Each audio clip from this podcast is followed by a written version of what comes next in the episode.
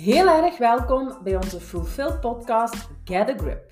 Wij zijn Rudy en Mira en wij dagen jullie uit tot meer werkgeluk en een gezonde levensstijl. Volgende onderwerp nemen wij voor jullie onder de loep. Gedragsvoorkeuren, mindset, loopbaan en leiderschap. Maar we staan ook stil bij voeding, veerkracht, perfectionisme, beweging, ademhaling en slaap. Dat alles, zodat ook jij kan excelleren met een vervuld gevoel. Nu en in de toekomst, zowel in je werk als je persoonlijke leven.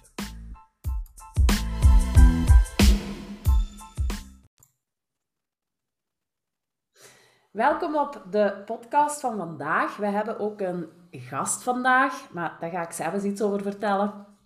Ik wil eigenlijk eerst eens beginnen met een gedicht. Dus uh, ja, degenen die luisteren mogen eens even gewoon achteruit gaan zitten en luisteren. Het gaat over straalangst. Straalangst. Onze diepste angst is niet dat we ontoereikend zijn. Onze diepste angst is dat we oneindig machtig zijn. Het is ons licht, niet onze duisternis, waar we het allerbangst voor zijn. We vragen ons af: wie ben ik dat ik briljant, buitengewoon aantrekkelijk, getalenteerd of geweldig zou zijn? Maar waarom eigenlijk niet?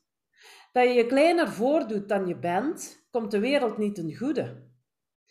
Er is niets verheffends aan je kleiner voor te doen dan je bent opdat de mensen om je heen zich vooral niet onzeker zouden gaan voelen. We zijn geboren om onze luister uit te dragen. Niet slechts in enkele van ons, maar in ons allemaal. Als wij ons licht laten schijnen, geven we anderen onbewust toestemming om dat ook te doen. Als wij bevrijd zijn van onze eigen angst, bevrijdt onze aanwezigheid automatisch ook de anderen. Het is een gedicht van Marianne Williamson. En het gaat dus over straalangst. En wat dat te maken heeft met uh, waar we het vandaag over gaan hebben, wel, dat gaan jullie straks horen.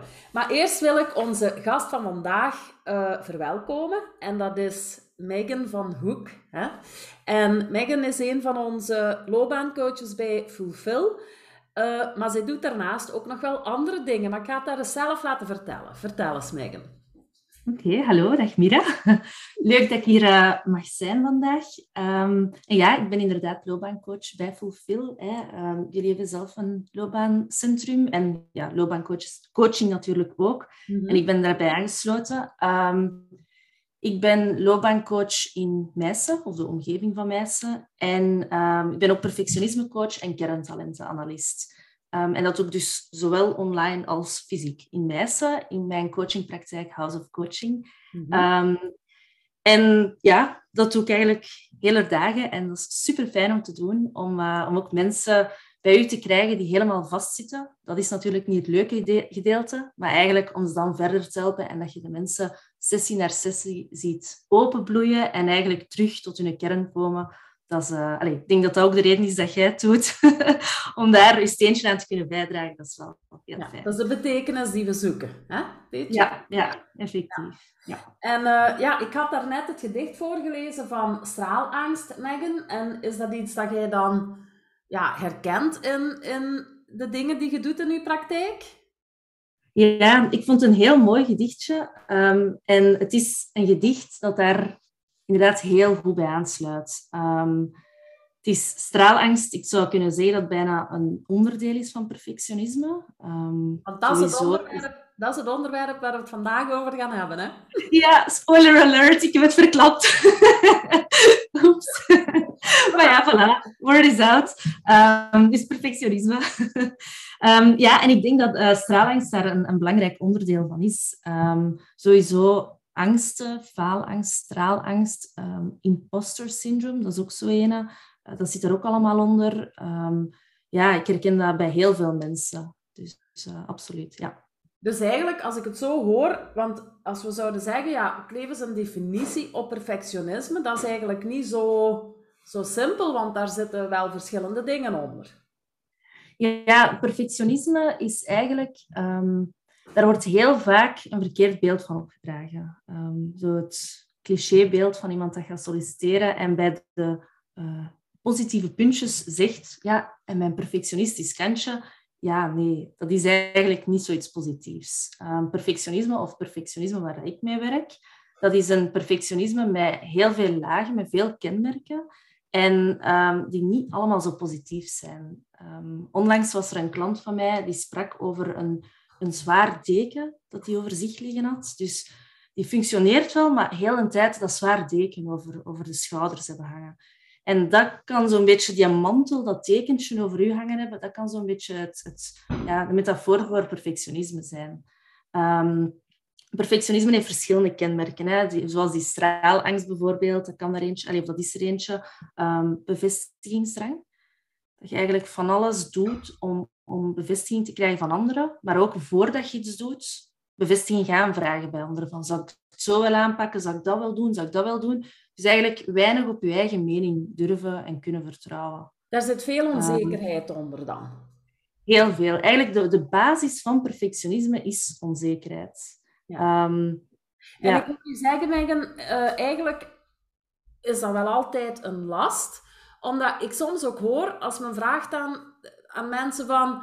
Ja, met hoeveel procent zou je perfectionisme omlaag willen doen, dat ze daar eigenlijk toch ook niet van af willen geraken?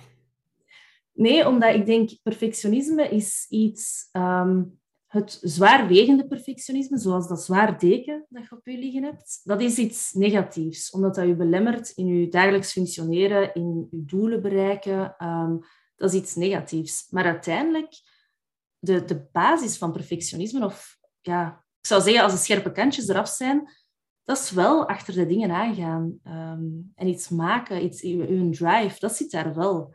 maar zou dat niet helemaal... Een drijvende kracht dan?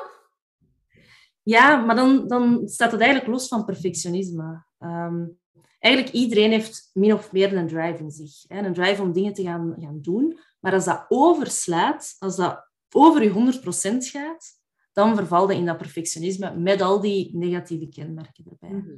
Ja. ja en wat zijn zo dan, misschien is, is dat niet zo, hè, maar zijn er dan zo, um, hè, want je hebt al die bevestigingsrang daar juist benoemd, maar zijn er dan zo is er zoiets waar dan uh, de meeste mensen met perfectionisme ook...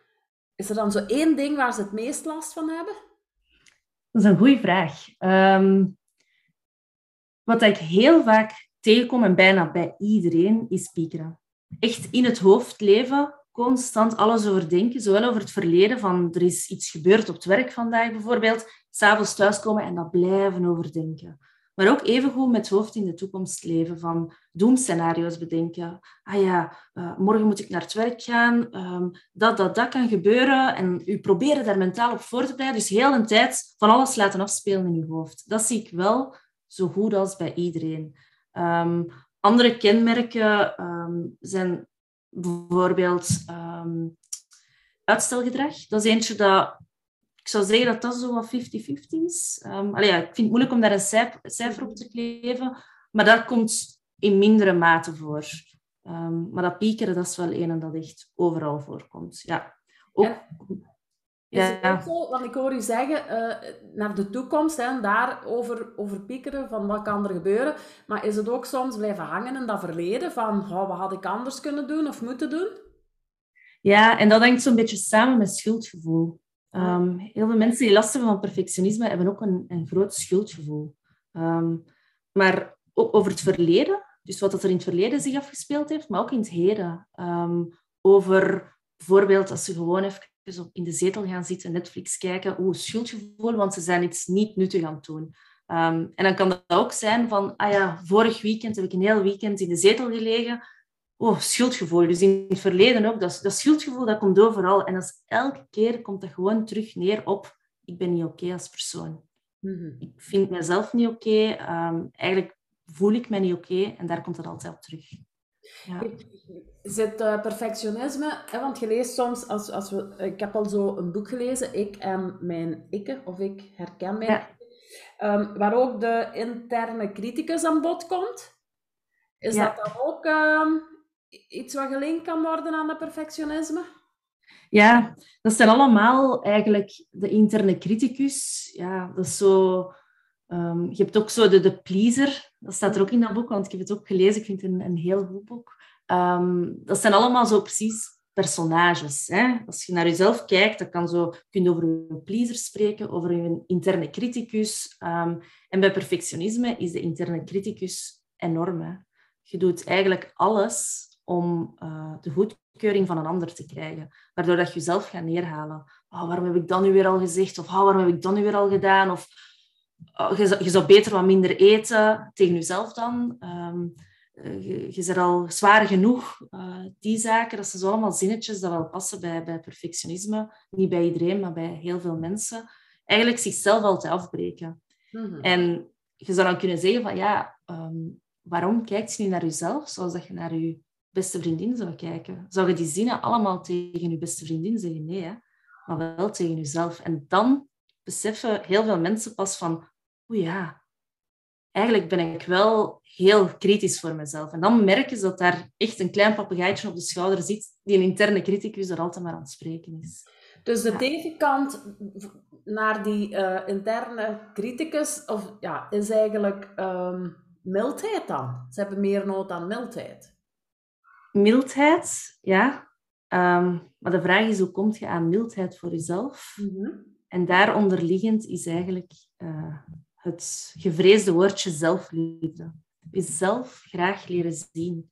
Met al uw, in al uw facetten. Um, ja, hoe dat je bent, hoe dat je geëvolueerd bent als persoon en niet constant jezelf uh, naar beneden halen. Dus zelfliefde. En vanuit zelfliefde kun je mild zijn naar jezelf. En van daaruit kun je ook terug ja, ook je zelfvertrouwen gaan opbouwen. Mm -hmm. ja. Dus um, het, vaak hoort je ook zo zeggen bij uh, perfectionisme, het is allemaal moeten, moeten. Ik hoor je de kippen op de achtergrond. Die zijn akkoord of wel niet akkoord? Um, het, het moeten, moeten, moeten, is dat dan ook zo dat stemmetje van, van die interne criticus? Ja. ja, zeker en vast. Het moeten, want als je het niet doet, um, dan zijn ze niet goed bezig. Dan, uh, ik moet dit doen. Ik moet doorwerken totdat die taak klaar is. Ik moet dat gedaan hebben. Dat is constant. En dat is zo'n woordje, een van de eerste woordjes waar we op oefenen, um, ja, om, om wat meer mogen te kunnen zeggen. Ik mag dat. Ik heb de keuze. Ofwel doe ik het niet, ofwel doe ik het wel. Ja. Maar altijd moeten, dat is, zo, dat is zoiets heel dwangmatig. Ja, dat is iets wat we in therapieën ook wel vaak um, tegenkomen, zo van dat taalgebruik. Dat we, ja. hè, dat we bepaalde taal gebruiken en dat dat ook wel, ja, toch wel een zware impact heeft op hoe we ons voelen en, en, en welke gedachten dat we dan hebben. En dan hoor ik u eigenlijk ook wel zeggen van, ja, ene stap in de goede richting is al van, wordt u bewust van het taalgebruik en vervang het moeten door mogen, bijvoorbeeld. Ja, ja. onder andere van het taalgebruik. Um, ook eens kijken, als je zo gedachten hebt, want je spreekt dat vaak niet uit natuurlijk naar jezelf toe. Hè. Dat, is, dat is allemaal intern. Van, van wat voor een gedachte heb ik eigenlijk over mezelf? Sta daar eens echt bij stil. Um, daarom laat ik ook, ook uh, mijn coaches, die krijgen ook een opdracht mee dat ze zich daar heel bewust van worden, een soort dagboek dat ze invullen, om echt ook stil te staan bij de meest banale uh, gebeurtenissen uit een dag. Iets dat ze eigenlijk gewoon op automatische piloot doen. Maar als ze daar echt bewust bij stilstaan van oké, okay, wat ik daar aan het denken was, of, die overtuiging die ik daar heb, is eigenlijk niet helemaal oké. Okay. Dat is een, een heel verkeerd beeld of een heel verdraaid beeld. Ja. ja. Eigenlijk zitten ze zo in dat patronen, in dat piekeren en in die, wat die interne criticus allemaal zegt. Ze zijn er al een stuk gewoon aan geworden, dat ze dat eigenlijk dat dat al afspeelt als een plaat, bij wijze van spreken, en ze beseffen niet meer dat die plaat opstaat. Terwijl dat die toch heel wat invloed heeft op hoe dat ze zich voelen. Ja, ja, zeker en vast. Eigenlijk kun je perfectionisme zien als ja, een patroon of een gewoonte dat zo, zo diep ingebakken is. Meestal begint het ook in de kindertijd. Van, van ergens hebben ze een moment, was er een moment, soms ook trauma, soms een heel banaal voorval, uh, iemand dat een opmerking geeft, dat dat echt heel hard is binnengekomen en dat dat perfectionisme in gang zet. Ah, um, en daar begint die gewoonte eigenlijk. Maar je kunt het een beetje zien als een sneeuwbal. Die wordt altijd dikker en dikker en groter en groter. Tot op het moment dat het eigenlijk, ja, totdat de mensen tegen de muur lopen. En heel vaak, die muur is dan de muur van burn-out. Um, of ja, dat ze zich heel slecht voelen over zichzelf. Of merken van, hey, het leven is zo zwaar opeens. En, en waarom? Mm -hmm. um, Ja. Maar eigenlijk, als we dan de metafoor van de sneeuwbal gebruiken, is er misschien ook wel goed nieuws. Maar nu is mijn verbeeldingskracht misschien op Holland slaan. Want als dan die sneeuwbal gaandeweg groter geworden is, ja, dan kunnen we die misschien ook wel laten smelten, of niet? Ja, ja. En eh, ik ben blij dat je verbeelding op hol slaagt. Want dat is, ja, perfectionisme is af te leren. Uh, het is een, een, een sterk, alleen, een lang proces. Een, uh, een proces waar je ook wel zelf hard, goed mee aan de slag moet. Het is niet in, twee sessies opgelost of, uh, of een keer even mindset veranderen en, en het zal wel beter gaan.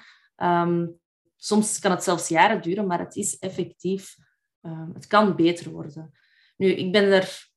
Ja, er zijn misschien mensen die zeggen van perfectionisme, je raakt je helemaal af. Um, ik ben daar niet altijd helemaal mee akkoord. Het kan werkbaar zijn, maar ik denk wel dat er altijd een klein stemmetje zal blijven. Maar het mooie daaraan is, um, of, of, het mooie als je daar al verder in staat, is dat je dat stemmetje herkent en dat je de keuze hebt om er iets mee te doen. Dus dat stemmetje van perfectionisme. Hè? Dat je het niet meer je, je leven laat bepalen eigenlijk. Ja, kan ook wel eens opduiken in zo'n reflex. Maar jij kiest er wel voor, gaat, gaat dat hier invloed hebben op, op mij of niet? Ja, en vooral in situaties, dat, moeilijke situaties, zware situaties. Hè. Ehm, als het leven modder naar u gooit, ja, in zo'n situaties komt dat echt naar boven dan. Hè. En dan is de, de kunst om terug het aan te pakken en, en erin verder te gaan. Alles wat je geleerd hebt, ook in de coaching, in, in ja, de jaren dat je al met je perfectionisme aan de slag gaat, om, uh, om het ja, op een goede manier beheersbaar te houden. Ja, en dan, daarmee hoor ik u zeggen, van het is soms ook een proces van jaren en misschien iets, hè, je moet er u bewust van blijven, dus iets waar je heel je leven eigenlijk wel moet blijven aan werken en u bewust van, eigenlijk een beetje gelijk op dieet zijn, dat helpt ook niet, zo'n crashdieet. Dat is ook, je levensstijl moet je aanpassen. Ja. Is dit een beetje vergelijkbaar dan? Ja, ja, eigenlijk zoals een levensstijl aanpassen. Eigenlijk is het een beetje een levensstijl, ja, dat heb je goed gezegd. En, en tot op een bepaald punt dat het ook een, een gewoonte gaat worden. Zoals dat perfectionisme een gewoonte werd, ja. gaat uw nieuw patroon, dus uw nieuw goed patroon, ik zal het goed en als we goed en slecht spreken, hè, um, is dat ook een gewoonte. Maar dat kan bij sommige mensen kan dat heel snel gaan, bij sommige mensen kan dat veel tijd nodig hebben, komen daar wat, wat hindernissen onderweg en dan is het even terug u eraan zetten. Maar in de meeste gevallen ja, kun je een heel ander, allee, geen andere persoon, maar echt jezelf terug worden. Mm onder dat perfectionisme. Ja, je hebt ook gezegd van dat, uh, dat, dat ontstaat op een bepaald moment of uh, er wordt iets getriggerd in de jeugd en dan wordt dat gelijk een sneeuwbal altijd groter. Betekent dat dan dat perfectionisme? Want ik dacht eigenlijk altijd, ja, je wordt zo geboren. Um, nee, je hebt, je hebt eigenlijk twee soorten perfectionisme. Um, je hebt een, een perfectionisme waar ik over spreek, is het aangeleerd perfectionisme. En het uh, natuurlijk perfectionisme, dat is iets helemaal anders. En zo kun je wel geboren worden. En dat, dat kennen wij ook allebei uit, uit kerntalenten, de kerntalentanalyses. Um, daarbij wordt je persoonlijkheid in kaart gebracht. En daar komt er ook uit of er natuurlijk perfectionisme in u schuilt. Ja. Maar dat is een, een perfectionisme, dat is iets positiefs. In het begin vroeg ik ook van, is er altijd negatief? Kan dat soms ook positief zijn? Dat type perfectionisme, natuurlijk perfectionisme, is positief. En dat, is dat... gaat dan, hè, in de kerntalentenanalyse gaat het ook over oog voor detail hebben op verschillende vlakken. En uh, mm dan wil dat eigenlijk zeggen, op die vlakken gaat je je lat vrij hoog leggen. En is dat eigenlijk een driver om die lat ook te bereiken, maar zonder daarin door te schieten dan. Ja, ja en dat is, dat is leuk voor u op dat moment, die lat hoog leggen. En dat gaat natuurlijk... Ja, en, en dat gaat natuurlijk, je legt van nature je, je lat, je standaard hoog. En je vindt het fijn om daarmee bezig te zijn. Um, bij perfectionisme, leg je, of aangeleerd perfectionisme, leg je lat hoog, omdat je schrik hebt, uit angst eigenlijk, dat als ze lager ligt, dat het niet oké zal zijn. Mhm. Dus niet vanuit een intrinsieke motivator van oh, ik vind het hier leuk om daarmee bezig te zijn, maar eerder vanuit oh, want wat als het niet goed is? Dus dat is een heel andere motivator dat erachter zit. Ja. Dat is het grote verschil tussen uh, die twee. En heeft dat dan ook, want aangeleerd, als we kijken naar onze maatschappij of ook uh, naar hoe, hoe ja, onze kinderen en jongeren in het leven staan, we merken in school toch ook al, niet alleen op het werk, dat er een prestatiegerichte maatschappij is. We moeten maar hè, toch wel hard werken en met minder meer doen. Het zal er niet op verbeteren met de War of Talent. Maar in school merken we dat eigenlijk toch ook al wel. Uh, dat we veel verwachten van die kinderen, dat er al op jonge leeftijd een, een hoge druk op ligt. Is dat dan de manier waarop we dat eigenlijk voeden? Dat aangeleerd Daar ben ik vrij zeker van. Um, het is een van de factoren dat kunnen meespelen in, bij perfectionisme. Nog andere factoren ook, um, of oorzaken.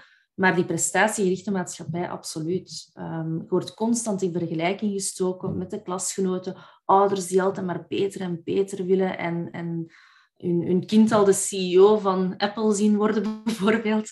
Um, dat, dat voedt alleen maar perfectionisme. Want alles wat dan niet uh, in dat kraam past, is niet goed genoeg. En zo krijgen de kinderen ongewild, want heel veel ouders bedoelen natuurlijk goed. Hè. Er, is, uh, er zullen maar, ja, de meeste ouders die willen gewoon dat hun kind ja, goed ontwikkelt en, en, een goed persoon wordt en van het slechte pad blijft.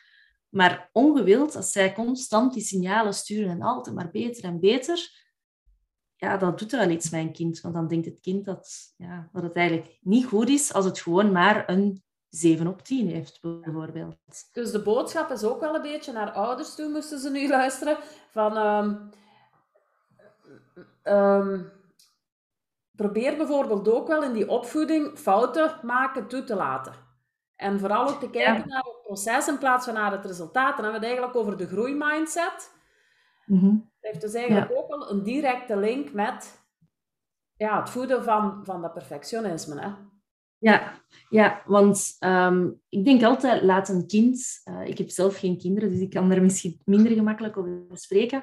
Maar um, ik denk wel vaak, laat een kind een kind zijn. Um, uiteraard met een kader en, en regels hè, voor, voor opvoeding. Maar laat een kind ook kind zijn en laat het een keer tegen de muur lopen. Laat het een keer falen. Zo leren ze ook falen. Want wat is falen eigenlijk? Mm de meeste mensen hebben zoveel schrik. En, en kinderen die dan uitgroeien tot volwassenen, hebben zoveel schrik om te falen, omdat ze het gewoon niet kennen. Omdat ze het nog nooit gedaan hebben. En als ze dan voor die eerste keer tegen de muur lopen, ja, dan is dat iets immens. Terwijl dat, dat iets is dat wel goed zou zijn als ze dat leren doorheen hun leven. Uh, om af en toe eens ja, te falen. Mhm. En dan komen we inderdaad bij die, bij die groeimindset of, of growth mindset. Um, door kinderen um, te leren van, oké, je bent er nog niet. Hè, bijvoorbeeld, ik zeg nu maar iets, een kind haalt een, een, een 6 op 10 en heel de klas heeft een, een... ja, nee, dat is al een verkeerd voorbeeld. Maar allez, dus dat er eigenlijk um, door te zeggen van oké, je bent er nog niet, gaan ze de boodschap hebben van ah, maar ik kan het wel en ik zal er wel geraken, maar ik ben er gewoon vandaag nog niet. Dus er is marge om te groeien. En ik moet gewoon nog denk... oefenen. ja, en ik moet nog oefenen. Voilà, voilà. Ja, maar daarmee krijgen ze de boodschap dat de ouders ook in, in hen geloven, of de schoolomgeving. Hè? Ja. ja. Ja. dat je meer zijt dan wat je presteert eigenlijk. Hè? Ja. Als persoon eigenlijk. Hè? gewoon waard zijn te zijn en niet zozeer maar iets waard zijn als je iets kunt laten zien. Ja, ja, ja, ja, ja zeker en vast. Um, ja, voor ons kinderen is er nog hoop, zeker uh, voor alle ouders die dan vandaag luisteren. Maar natuurlijk, de mensen die wij bij ons krijgen op loopbaancoaching, ja, die, die zijn al opgevoed en die zitten dan in een werkcontext. Um, waar vaak ook heel erg gepresteerd moet worden. Maar, maar eigenlijk kunnen we dan ook zeggen dat het toch wel voor, voor bedrijven heel belangrijk is dat, zo, dat die psychologische veiligheid er is en dat daar ook wel mensen nog mogen fouten maken. Dat die, dat die mindset daar eigenlijk ook wel gestimuleerd wordt. Ja, ja en, en fouten maken en het ook bespreekbaar maken. Ehm, het ook, dat het uitgesproken wordt vanuit het kader of vanuit de leidinggevende van het is oké om fouten te maken, maar, en ook, verdoezel het niet, de fouten, maar, maar spreek erover. Als er fouten zijn, het is bespreekbaar en we werken wel in oplossingen. Dat het geen groot taboe mag zijn uh, om fouten te maken. Ja. Ik denk dat dat een hele belangrijke is. Want eigenlijk hè, hoor ik u zeggen, ja, faalangst, je hebt ook al een aantal, uh, sorry, perfectionisme, je hebt ook al een aantal keer die faalangst benoemd. En dat maakt eigenlijk dat mensen dan um, uit angst om te falen dingen gaan vermijden en eigenlijk hun potentieel dat ze bereiken, dat ze dat niet kunnen bereiken? Um, ja, omdat ze eigenlijk gedreven worden eerder door angst dan uit dan motivatie. Ehm, heel veel mensen dat denken, ja, ik, zal het niet, of ik ga het niet doen, want wat als het verkeerd verloopt? En ehm, er is zo'n mooie quote, dat is een van mijn lievelingsquotes, van um, What if I fall? Oh, but darling, what if you fly? En dat vind ik zo'n mooie, van, dat mensen altijd maar denken, oh nee, wat als ik val, wat als het niet goed gaat? Ja, maar stel dat het wel lukt. Hè, welke dromen heb je allemaal? Wat als het wel lukt? Hoe zou je dan voelen? En mensen kijken altijd naar, naar heel vaak naar de verkeerde kant, naar de kant van het falen, eerder dan naar de kant van succes of, of het gevoel dat ze daarbij zouden krijgen als ze zouden kunnen slagen. Ja. Wel, dat is, uh, dat is heel, heel grappig dat je, dat je dat voorbeeld aanhaalt, want in deze voormiddag had ik hier iemand en die heeft eigenlijk wel een droom en die, enfin, die wil iets zelfstandig opstarten en, en ze wil daar naartoe gaan, maar er zijn nog een aantal vergunningen en zo waar ze op aan het wachten is. En ze zegt van ja, ik, ga, ik hou me tegen van te dromen. Want stel u voor dat het niet gaat lukken. Maar ik zei ook tegen haar, alle tijd die je al niet mocht dromen van jezelf, ja, dat is eigenlijk al een goed gevoel wat je wegneemt hè, voor jezelf. Ja. En als we dan kijken naar de self-fulfilling prophecy, gaat je ook wel gedrag stellen naar gelang dat je, dat je wel durft dromen. Hè? Dus eigenlijk bij die faalangst kan het zijn dat je dromen eigenlijk al wat ja, saboteert op voorhand. Mm Ja, dat is, ook zo, dat is ook zo waar dat je je focus op ligt. Hè. Als je altijd maar focust op wat niet gaat lukken, dan ga je ook alleen maar dingen zien die niet gaan lukken. En de opportuniteiten die op je pad komen, die ga je allemaal niet zien, omdat je focus op, uh, op, ja, op het falen ligt. En dat is eigenlijk, ja, dat is de self-fulfilling prophecy. En dan opeens denk je, ah, zie, voilà, ik ben gefaald en ik wist wel dat het niet ging lukken. Ja. En de volgende droom gaat gewoon zelfs niet gedroomd worden en, en zal ook niet uitkomen, omdat je daar zo in staat. Hè. Mm ja.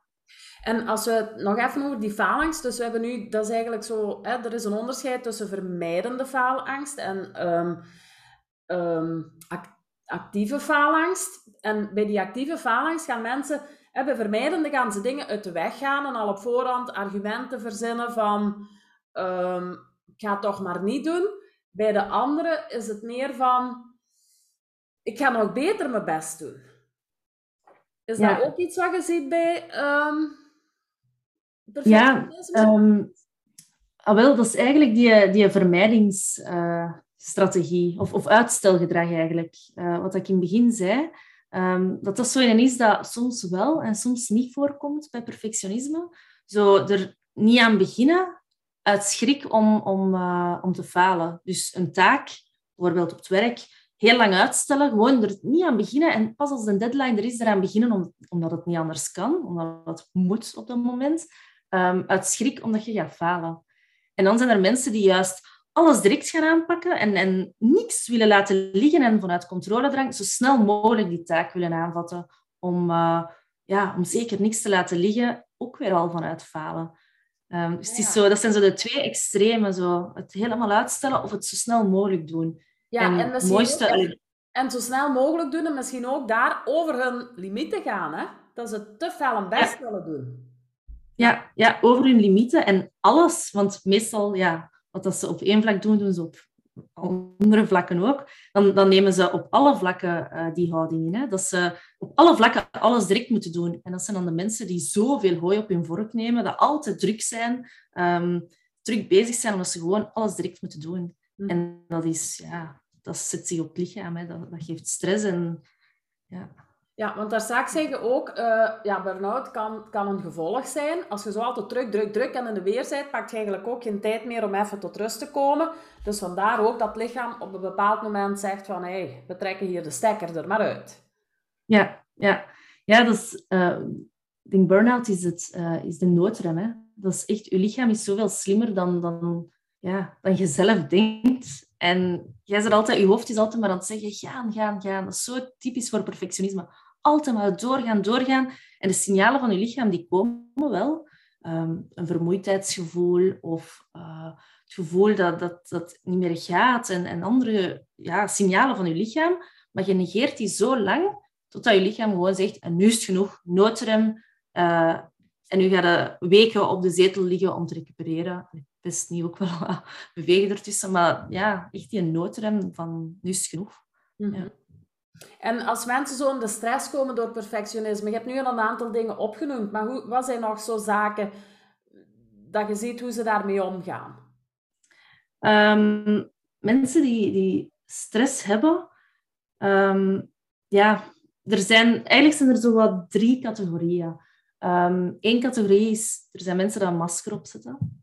Dat eigenlijk hun stress niet tonen. Van binnen is zich dat aan het opvreten. En, en ja, zij zijn niet wie dat zij naar buiten tonen en wie dat zij van binnen zijn. Dat is iets helemaal anders. Um, en ja, die stress zet zich ook op het lichaam, met gevolg vaak van burn-outs. Um, het zijn heel vaak ook de sterke mensen in de maatschappij, of die sterk gepercipieerd worden, dan in burn-out terechtkomen. Mhm. Heel veel mensen die in burn-out terechtkomen, krijgen, krijgen de vraag, allee, dat had ik niet zien aankomen, allee, jij toch niet? Allee, je bent zo, zo goed bezig. Dat zijn eigenlijk uh, die mensen. En dan zijn er de mensen die zich beginnen te isoleren. Hè? Dat die stress niet meer aankomen, liever niet afspreken met vrienden, niet meer buiten komen, dat ze zich gewoon um, ja, willen gaan afzonderen, in hun eigen wereldje willen gaan zijn, om, om om te gaan met hun eigen stress. En een derde categorie, en eigenlijk loopt die zo'n beetje door die andere categorieën, is um, de mensen die een copingstrategie zoeken. Dus een, een, strategie om om te gaan met die stress. En um, ja, een, een, heel typisch voorbeeld eigenlijk, en wat dat veel mensen niet weten, is nagelbijten. Ah, ja. um, nagelbijten, dat doe je niet omdat je nagels lekker zijn. Nee. dat doe je dat doe je eigenlijk voor stress. En, en misschien mensen die nu aan het luisteren zijn dan nagelbijten. Uh, misschien is het gewoon om een keer stil te staan wanneer, dat je, aan nagel, dat je echt vaak aan het nagelbijten bent. Van in wat voor een periode zit je nu? Zit je nu in een stressperiode of uh, wat zit daar juist? Um, eigenlijk ligt daar stress aan de basis. Um, maar ook andere copingstrategieën. Um, ja, gaan vluchten in, in drank, hm. alcohol, dus alcohol uh, drugs, seks, medicatie gewoon heel veel medicatie gaan nemen om, om het allemaal eigenlijk een gevoel te gaan verdoven, je eigen gevoel te gaan verdoven.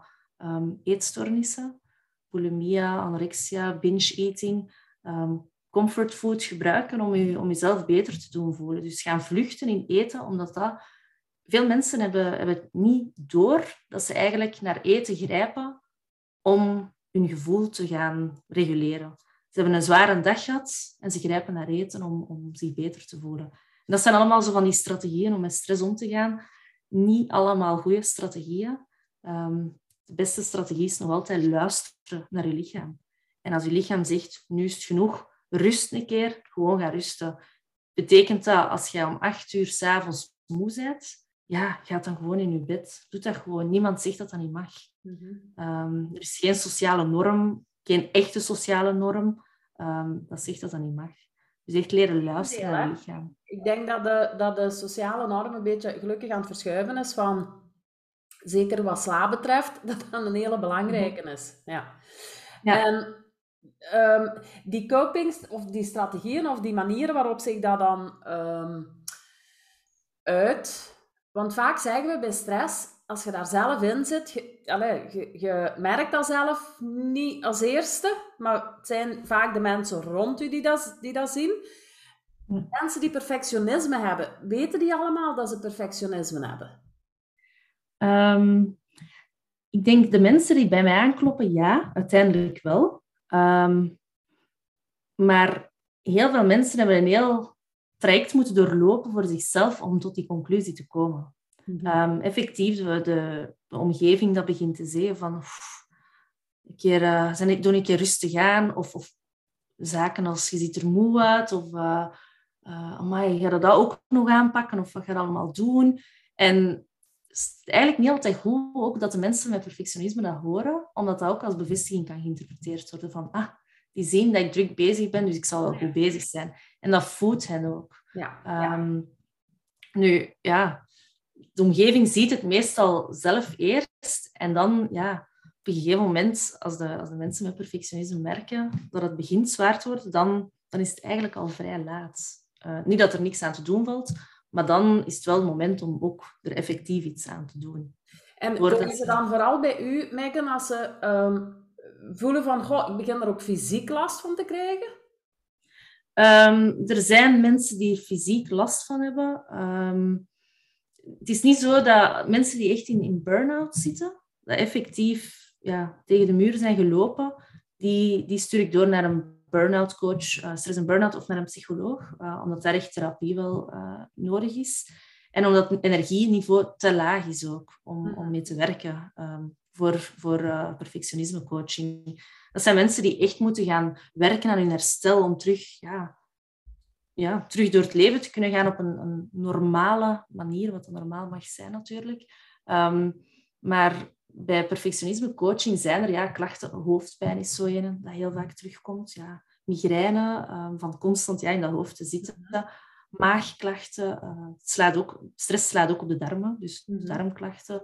Um, ja, mensen met eetstoornissen, dat daar ook fysiek last van hebben natuurlijk. Um, ja, dus ja, zeker en vast. Een last op een of andere manier eigenlijk. Hè. Zeg, vaak hoor ik ook wel mensen zeggen van perfectionist is ik niet hoor, want je moet thuis mijn huis komen bekijken. Dat ligt helemaal overhoop. Dat is zo het perfectionisme um, linken aan alles moet perfect geordend en gestructureerd zijn. Ja, um, dat is bijna zo goed als iedereen zegt dat. Oké. ja. Ja, dat is echt... Oh, dat, dat zie ik heb ik al zo vaak gehoord. Ja. Ehm, of dat zeggen van ja, maar ik laat het afwasmachine niet op een gestructureerde manier in. Of mijn huis ligt inderdaad overhoop en zo. Maar heel vaak gaat het daar niet over. Um, dat kunnen super slordige mensen zijn. Uh, ik heb ook heel veel last van perfectionisme gehad. En ik was ook niet ordelijk. Allee, ja, ik ben semi-ordelijk, maar allee, wat. Zie maar, voilà. Wordt wel, uh, wordt wel bezig.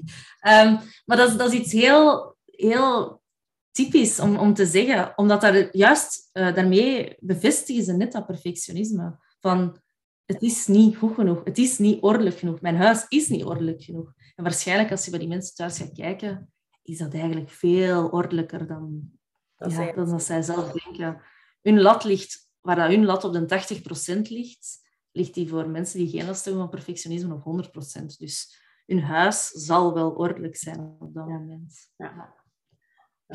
Ja, het gaat eigenlijk over in de kern van zie ik mezelf graag. Dat is eigenlijk wat ik er vooral van, uh, ja. van meeneem. Ja, ja. Ja.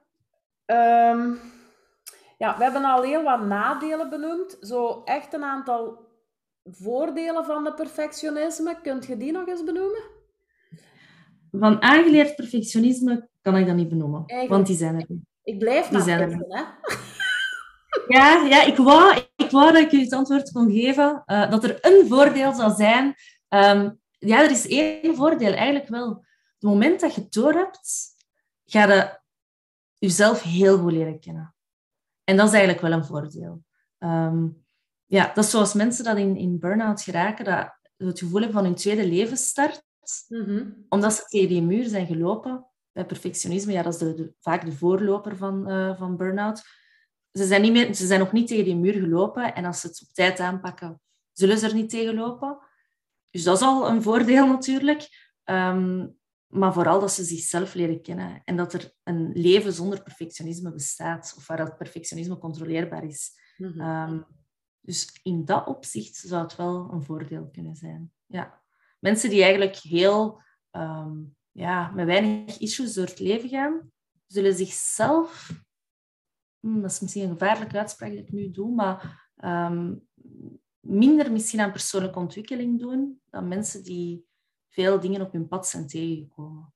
Mhm. En als perfectionisme een van die dingen is, hè, zoals een zwaar tekentje dat wel weegt, dan willen dat tekentje weggooien. En een keer kijken wat dat eronder zit. Mhm. En dan zitten we bij persoonlijke ontwikkeling. Dus op dat vlak vind ik het wel mooi aan dat perfectionisme. Mhm. ja. als, ze, als ze het erkennen als ze het herkennen en herkennen ook en er iets aan doen. Ja. Um, vaak, nog even een zijstapje, um, als mensen gaan solliciteren, geven ze nog wel eens zo uh, als, hè, wat, zijn nu, wat zijn uw sterke punten, wat zijn uw minder sterke punten? Ha, ik ben wel een beetje een perfectionist, zeggen sommige mensen dan wel. Als, als we zouden kijken vanuit werkgeversstandpunt, is er dan een voordeel? Um, voor werkgevers is eigenlijk um, mensen die last hebben van perfectionisme, um, zijn eigenlijk fantastische werknemers. Hè? Ah, ja. Ze zijn super loyaal, of de meeste toch, loyaal, zijn, zijn harde werkers, ze gaan ervoor, ze gaan voor hun zaak, ze willen uitblinken. Maar de downside is natuurlijk, op een dag gaat het ook niet meer lukken. Ja. Dus ehm, als mensen dat horen in een, een gesprek, is het misschien wel een keer interessant om daarop door te vragen. Want het is iets dat snel gezegd is. Hè? Ook mensen ja, dat er geen last van hebben. kunnen dat ook zeggen. Ja, voilà, voilà, voilà. Maar als je het gevoel hebt dat je echt met iemand perfectionistisch, perfectionistisch te maken hebt, zou ik daar wel op tijd ja, een keer samen zitten. Ehm, ik word ook gecontacteerd door bedrijven dat uh, hun werknemers willen laten coachen, omdat ze merken dat ze op van alles vastlopen. Heel goede werknemers, die kennen hun, hun job heel goed, maar ze lopen vast op dat, ja, op dat zelfvertrouwen en, en die zaken, of te veel hooi op hun vork. En dan is het wel ook interessant als bedrijf om, om eraan iets aan te doen. Ja, want je hoort werkgevers ook wel eens zeggen van, god, er zit zoveel in en toch komt het er niet helemaal uit. Dat zou ook ja. kunnen zijn, hè?